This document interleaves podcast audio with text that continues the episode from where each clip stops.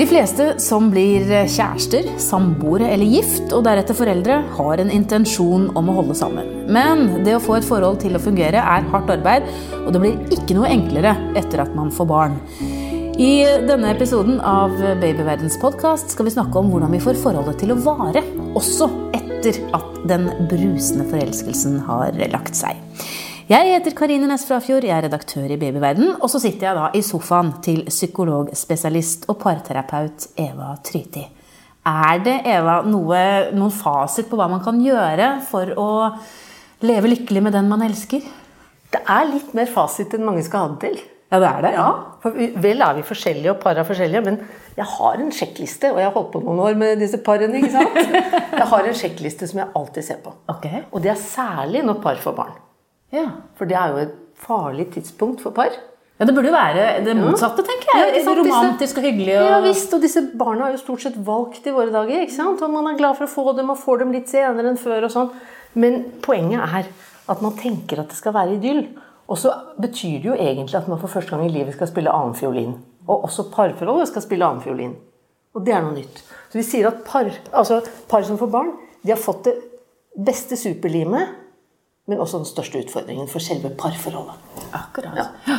Ja, og Du sier du har en sjekkliste. Du har til og med Ja. skrevet en bok som heter 'Eva Trytis beste råd til par'. Ja. Ja, Kjør på, fortell.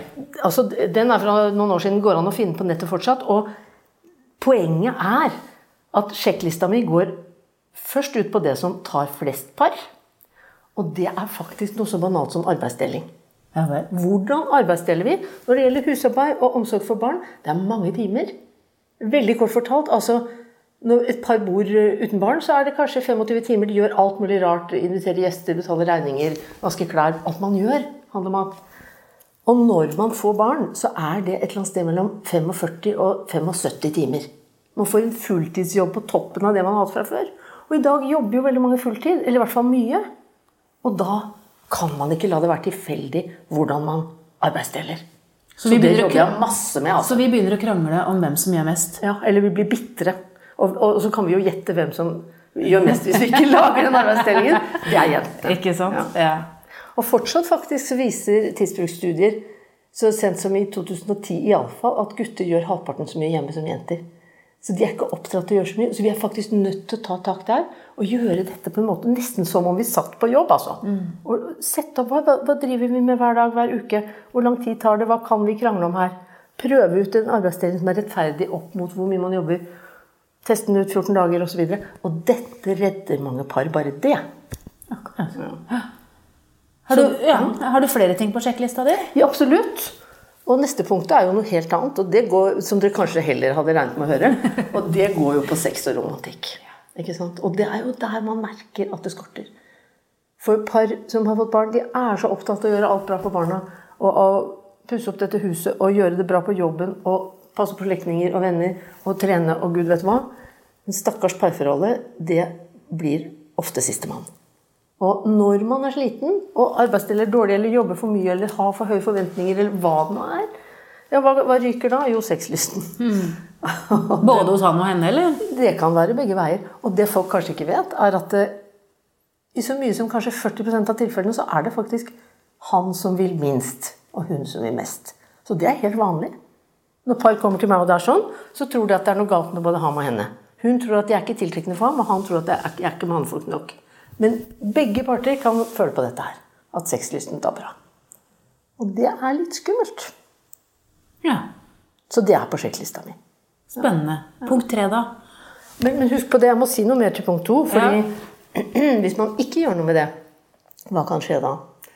Jo, da kan man fort falle for noen andre på julebord eller reunion eller hva man skal på. Ikke sant?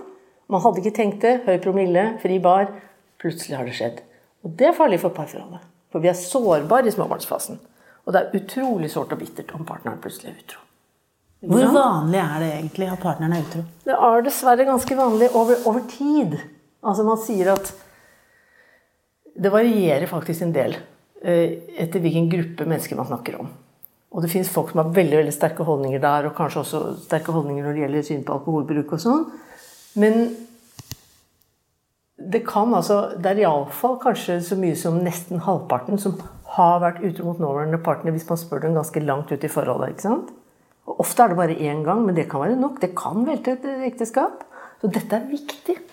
Viktig å jobbe med på en eller annen måte.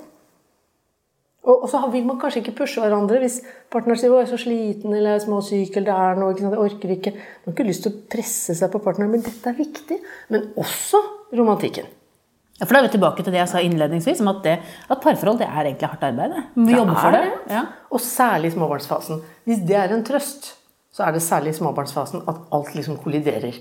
Men dermed så har det også blitt en skilsmissetopp i småbarnsfasen. Og vi ser akkurat det samme i Danmark. Særlig første år, første barn, er en farlig fase. Hvor man må passe på. Men generelt barn 0 til 5 år er, er, er en farlig fase. Hvor man fort kan få samlivsbrudd. Og, og det er noe av det som jeg kanskje liker best å jobbe med, fordi så, disse parene ønsker jo ikke å gå fra hverandre. Så det er så sårt når, de, når de bryter allikevel. Og jeg skal spørre deg om hva vi skal gjøre, selvfølgelig. Men jeg har først lyst til å høre mer om liksom, den der lista di da, på, på hva som er farene, før vi kommer til eh, svarene. Ja. Og når vi snakker romantikk, dette punktet mitt, store punkt nummer to som jeg snakker om nå, så er jo det det der at man har noe mulighet til barnevakt, noe guts til å liksom finne på noe hyggelig for hverandre, begge veier, pynte seg litt for hverandre, gå ut gjøre noe annet. Og det behøver ikke være liksom helgetur til Roma altså, for at det skal være bra. Det kan være tur i skogen og enkle ting man pleide å gjøre før. Og da sklir vi langsomt over på det tredje punktet, som er veldig viktig, og som jeg pleier å kalle vennskapet i parforholdet. Og man tenker jo mye på romantikken og man passer sammen, og sånn, men vennskapet i parforholdet er ryggraden i et parforhold som skal vare lenge. Og det er det vi snakker om her, hvordan vare lenge. Og det vet vi nå etter hvert også fra forskningen til Gottman og medarbeidere. De har forsket på par, og noe av det viktigste de fant, var at par som er sammen lenge og har det bra, altså 40-50-60 år og har det bra likevel, hva er det de gjør? De kommuniserer mye og ofte. Om stort og smått. Hav og døden og kjærligheten og politikk og hva så jeg på bussen i dag og alt mulig. Og de er ganske mye sammen. Og enten har de noen felles eh, interesser og prosjekter, eller de lager seg det. Sånn at de bruker tid sammen, og de snakker sammen. Og så har de lært seg å løse konflikter. Det er ikke sikkert de kunne det i starten. Kan hende de hadde stygge krangler før. De er slitne, disse òg. Ja, de er slitne disse òg, så det, det er absolutt lov. Men, men de, og de har en vi-følelse. Altså de har en vilje til å bygge et vi. Igjen, man må gjøre jobben. Men jeg syns det er ganske oppmuntrende å tenke på at det aller viktigste i et parforhold er faktisk at man passer på det vennskapet. At man er både pratevenner og gjørevenner i noen grad. Dette høres jo veldig bra ut. Ja, Og det er min erfaring som, etter mange år som terapeut også. Og det er akkurat det det gjelder. Men så det sier godt man av det òg, så må man også holde på et kjæresteliv og et sexliv og, og kos. For det kommer ikke av seg selv etter hvert. vet du. Når, når forelskelseskjemien er over, så går det ikke av seg selv. Ja. Og Eva Tryti, skal, skal, du kan fortelle mer om det. Vi skal bare ta en bitte, bitte liten pause først. Ja, Vi snakker altså om hvordan vi skal få parforholdet til å vare med psykologspesialist og parterapeut Eva Tryti. Jeg har satt meg godt ned i sofaen på psykologkontoret ditt. Det er vel her parene sitter da, når de sliter veldig, og du skal gi gode råd om hvordan de skal redde forholdene. Um, vi har snakket om før pausen altså, hvordan, uh, hva, de største fellene er. Hva sier du da når man kommer og ikke har sex, man er ikke venner lenger, og man er så sliten at man ikke ser hverandre? Hva da? Jeg starter gjerne med det der med arbeidsdelingen. Så ja, sånn feier til side det aller verste og, og, og får litt tid og overskudd. Også, og når man tar den arbeidsdelingen, så vil man ofte også se når man samarbeider om det, vil man ofte se at det er mer man kan sette bort, at man trenger mer avlastning. Kjøpe seg litt tjenester, for, for det trenger småbarnsforeldre. Du er for vaskehjelp og barnevakter Man kan jo ikke være noe annet så mye som folk skal jobbe i dag. Og Erna og disse lurer på hvorfor folk ikke får barn. De er så slitne. Så, så dette er veldig viktig, altså. Men, men hvordan konkret skal man gjøre det? Jeg, altså, jeg gjør mer enn mannen min hjemme. Det irriterer vettet av meg. Ja. Ikke sant? Hva, hva, skal, hva skal kvinnen da gjøre, hvis det er henne, da? Eh, Hvis hun ikke får til å sette, å sette seg ned med mannen sin og gjøre det jeg sa i sted, som jeg kan gjenta, så kan hun gå, prøve å gå til en parterapeut og be om hjelp til det, en tredje person. For de må sette seg ned og tenke at de er på jobb. Det er en, en hel stilling i dette lille tomannsfirmaet som skal fordeles på to. Det har kommet en hel stilling på toppen. 30 timer eller 40 timer eller sånn.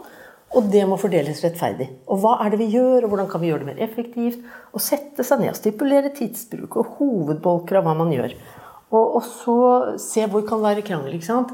Hva er det å ha vasket klær? Hva er det å Hvis man skal den som har lagd middag, skal kanskje ikke vaske opp etterpå. Når må det vaskes opp for at den andre skal være fornøyd? Finne noen kompromisser. Prøve ut en rettferdig deling. Helt konkret. Og det er det første skrittet mitt. Og så hører jeg på bestillingene deres. Hva er det dere klager, hva er det dere klager om? Hva er dere lei dere over? Det, har det skjedd noe? Ikke sant? Men det er ofte det med arbeidsdeling. Kan det, kan det være så, holdt på å si, hvis man rydder opp i det, kan det være så enkelt at da løser problemet seg? Av og til er det sånn. Men ofte er det ikke det, ofte er det, ikke det de kommer og spør om. Så, men derfor har jeg lært meg at det må du ta tak i. For de er vant til at man snakker om kommunikasjon og sexliv og utroskap, forelskelser i andre, forhold til svigerfamilie. De er vant til å komme og snakke om alle disse tingene, men de er ikke så vant til å sette spørsmålstegn ved arbeidsdelingen, enda så vesentlig den er. Så derfor er det jeg som presser litt på det. Men så er det jo vanskelig å se den andre også. Så sier mannen at ja, men jeg tar jo hagen hver uke. Det er mye mer enn det du gjør med den klesvasken. Ikke sant? Det på en måte setter verdi da, på, på, på, det man, på den Jo, innsatsen man gjør. inne, Mange kommer og sier sånt at, eh, at liksom, han, han gjør alt ute, og jeg gjør alt inne. Og da pleier jeg å si at hvis dere har et småbruk, er det greit. Men hvis dere har en vanlig bolig, så er ikke det greit. Da må dere begynne å telle timer her. Og når man har gjort det en gang, så er det på plass. Og etter hvert så vil det også være et system hvor man kan få inn barna. Og barna bør faktisk lære seg dagliglivsferdigheter gjennom å få bidra mot ukelønn osv. Spesielt guttene, da, kanskje. Spesielt guttene som ikke gjør det av seg selv. Ja. Veldig lurt. Da har de draget på jentene senere, altså. Bare for å ha sagt det. Ja. Ok, så, så det med å få arbeidsdelingen i orden, det er Ja. liksom det ene. Og så det det med er jeg opptatt av sexlivet også. Ja, du er det. Og kos. Altså ikke bare sex, sex liksom, men, men også kosen. At man tar hverandre.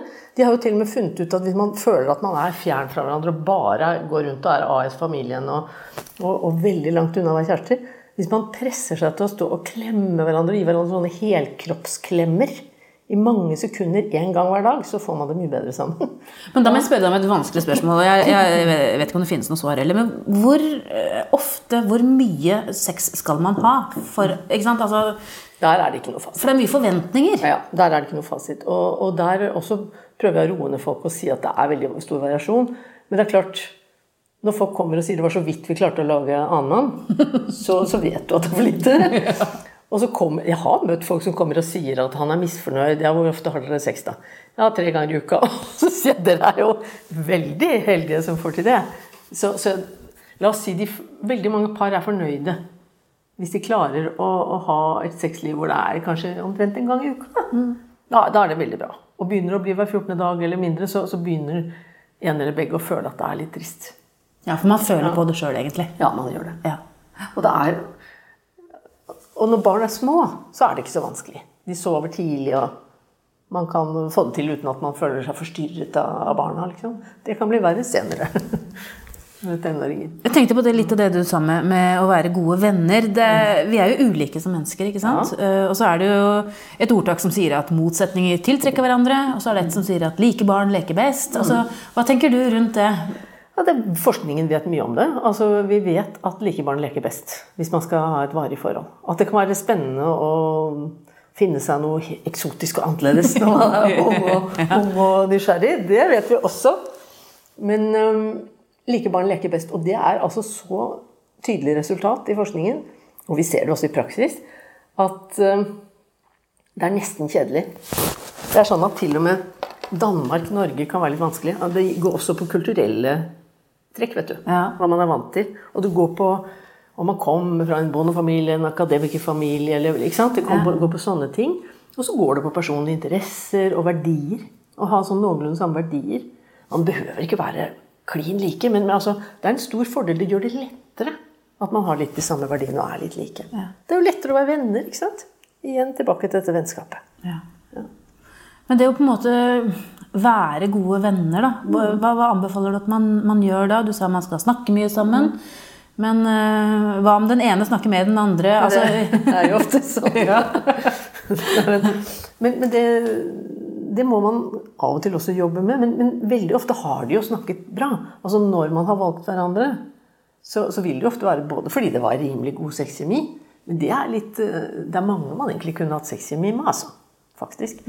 Men, men også fordi man likte å prate sammen, og man eh, likte selvfølgelig hverandre fysisk. Men, men Man likte å gjøre ting sammen, man likte å prate sammen. Man hadde det ofte, så det er mer snakk om å få det opp igjen. Og da kan det være nok å bare ha én kveld i uka som noen gjør, hvor de skrur av TV-en og setter seg ned og spiser sammen etter at barna er lagt. og og faktisk får til en samtale. Men når du har kommet dit i forholdet at du ikke har sex, ikke noe særlig i hvert fall, mm. og du syns han typen er ganske Eller dama mm. er eh, ikke noe særlig lenger. Altså, Vi har ikke noe å snakke om. Mm. Han er bare opptatt av det. Hun bryr seg bare om barna. Mm. Er det fortsatt håp? Ja, ja massevis. Ja. Men, men, man må jobbe med det. Det fins jo til og med sånne spill hvor man kan sette seg ned sammen og trekke spørsmål. Ja. Man skal prøve å utforske ting med partneren man ikke, man ikke vet ennå, eller se om man vet og sånn. Ja. Nei, det, er veldig ofte snakk om å ta sammen. Tenk, tenk mentalt at det er hvis dere har funnet ut at dere skal sette dere ned en gang i uken kanskje lage noe mat sammen eller for hverandre og sette dere ned med eller uten et vinglass og, og ha tid for dere selv hvor dere ikke er forstyrret av noe annet, så tenk det som en date. Eller tenk at det er en venn du møter som du ikke har sett på en stund. Og, og, og begynne å snakke på en annen måte, for da greier vi det. ikke sant? Være litt nysgjerrig, kanskje? Vær litt nysgjerrig på hverandre. Hva har skjedd med deg i det siste? Og, hva drømmer du om nå? Og, bare å planlegge en ferie sammen kan være gøy. ikke sant? Mm. Så, så, det er det å lage det lille rommet. Det går an. Jeg har, folk, jeg har også sett folk som var la oss si, tradisjonelle mannfolk som ikke var vant til å sitte og prate, som har lært seg det. altså. Jeg husker et par hvor, han, hvor de nesten ble skilt. De var eldre. Men, men hun sa til slutt jeg gidder ikke mer. Hvis ikke du kommer hjem Han jobbet masse òg. Hvis ikke du kommer hjem hver dag og setter deg ned med meg og drikker te og prater med meg, så, skille, så vil jeg skille meg. Og han ble, hadde ikke noe lyst til å skille seg, så han tenkte ja, søren heller, jeg må vel gjøre det, da. Og, kom seg hjem, og der satt de på et sånt pent lite bord med tekopper, og han var absolutt ikke typen til det. og Det gikk sikkert tregt i starten, men etter hvert så kom praten i gang. Og da hun på et tidspunkt var på en lang ferie med noen venninner i Syden, så, så, var han her en liten tur og satt det er så stille og trist, jeg savner de der samtalene våre. Så det går an, altså. Ja, For der sa du jo noe at han var veldig ukomfortabel uh, i ut, nettopp. ikke sant? Så at vi må kanskje by litt på oss sjøl, da. Gi ja, litt. Men det er faktisk noe man kan lære. Mm. Konversasjonskunst, holdt jeg på å si. Det er mm. noe man kan lære. Og det er veldig hyggelig. Ja. Ja. Syns du at vi eh, skiller oss for lett? Ja. Og det er, det, det er, derfor jeg har skrevet bøkene mine på mange måter. Og, og, det er mye av det jeg føler jeg jobber med òg. Fordi det er så store omkostninger. Altså Jeg har forståelse for at folk skiller seg. Og jeg støtter gjerne folk som har vært gjennom brudd. For all del. Men det er så store omkostninger ved det. Og det vet jo også de som har vært gjennom det. Så, og det, ofte har man hatt et så godt utgangspunkt. Og det er liksom krisestemningen når man har kommet ut av de gode vanene, har for mye å gjøre, har små barn. Så kan det så fort skje. Eller det har vært én hendelse med utroskap. Én hendelse som vedkommende angret fryktelig på. Skal vi tilgi, da? Da kan man gå til noen profesjonelle og få hjelp til å se om man kommer videre. Og, og det ser jeg ofte at vi klarer. Det kan være en vekker. Hvor stor prosess er det å gå til eh, ja, en samlivsterapeut som deg? Hvor mange ganger må vi bruke? Hvor mye tid må vi investere? Uh... Altså, min erfaring her, og det tror jeg fortsatt gjelder på familiekontorer hos mange andre òg, er at altså for det første så går man gjerne dobbelttimer fordi det, det er tre mennesker til stede. Det tar litt tid å komme i gang. Det tar litt tid, og det er en litt ja. annen måte å jobbe på enn når man jobber med et menneske. Eh, men noen får hjelp etter to ganger. Og det er ikke så mange hos meg som går mer enn tre, fire, fem ganger. Så det trenger ikke være så vanskelig? Nei, det er ikke så vanskelig. Og så går man kanskje over litt tid. Først to ganger litt tett, og så større spenn. Og så er det noen som kommer tre ganger og har god hjelp, og så dukker det opp etter et år for å liksom rydde litt opp igjen. Mm. Det, det, er faktisk, og så Man ser fort også om det er til hjelp. Ikke sant? Har du inntrykk av at eh, spesielt småbarnsforeldre ønsker å få det til? Å ja. De har jo valgt hverandre, og de har valgt disse barna. De syns det er ordentlig vondt og sårt når når det ser ut til at det ikke går. Mm. Ikke sant? Ja. Men oppsummer da de tre viktigste tingene for å få et forhold til å vare. Arbeidsdeling som er rettferdig, som er gjort på en skikkelig måte. Så man slutter å småkrangle om det. Og få opp igjen et sexliv og et koseliv. Og de to kan ofte gå veldig fint hånd i hånd. For når han får lov å sette seg med Excel-arket og lage det der de har blitt enige om eh, arbeidsdelingen, så syns han det er litt kult. Og når vi da begynner å snakke om sex igjen, så er han helt med. Så, så dette går veldig fint hånd i hånd. Og så dette med vennskapet. Og, men det også gjør noe, gjør noe, hyggelig som dere pleide å gjøre. Hva, hva, hvem pleide dere å være? Få et lite innsmett av det. Gå den turen. Gå på konsert. Ta en tur på byen. Ikke sant? Eller en liten reise, eller hva, hva som helst. Altså, eller finn på noe nytt som dere egentlig har lyst til. Ha et lite prosjekt sammen selv i den tiden der. Få barnepass. Besteforeldre bør stille opp. Klar tale, og takk for gode råd skal du ha, eh, psykologspesialist og parterapeut Eva Tryden.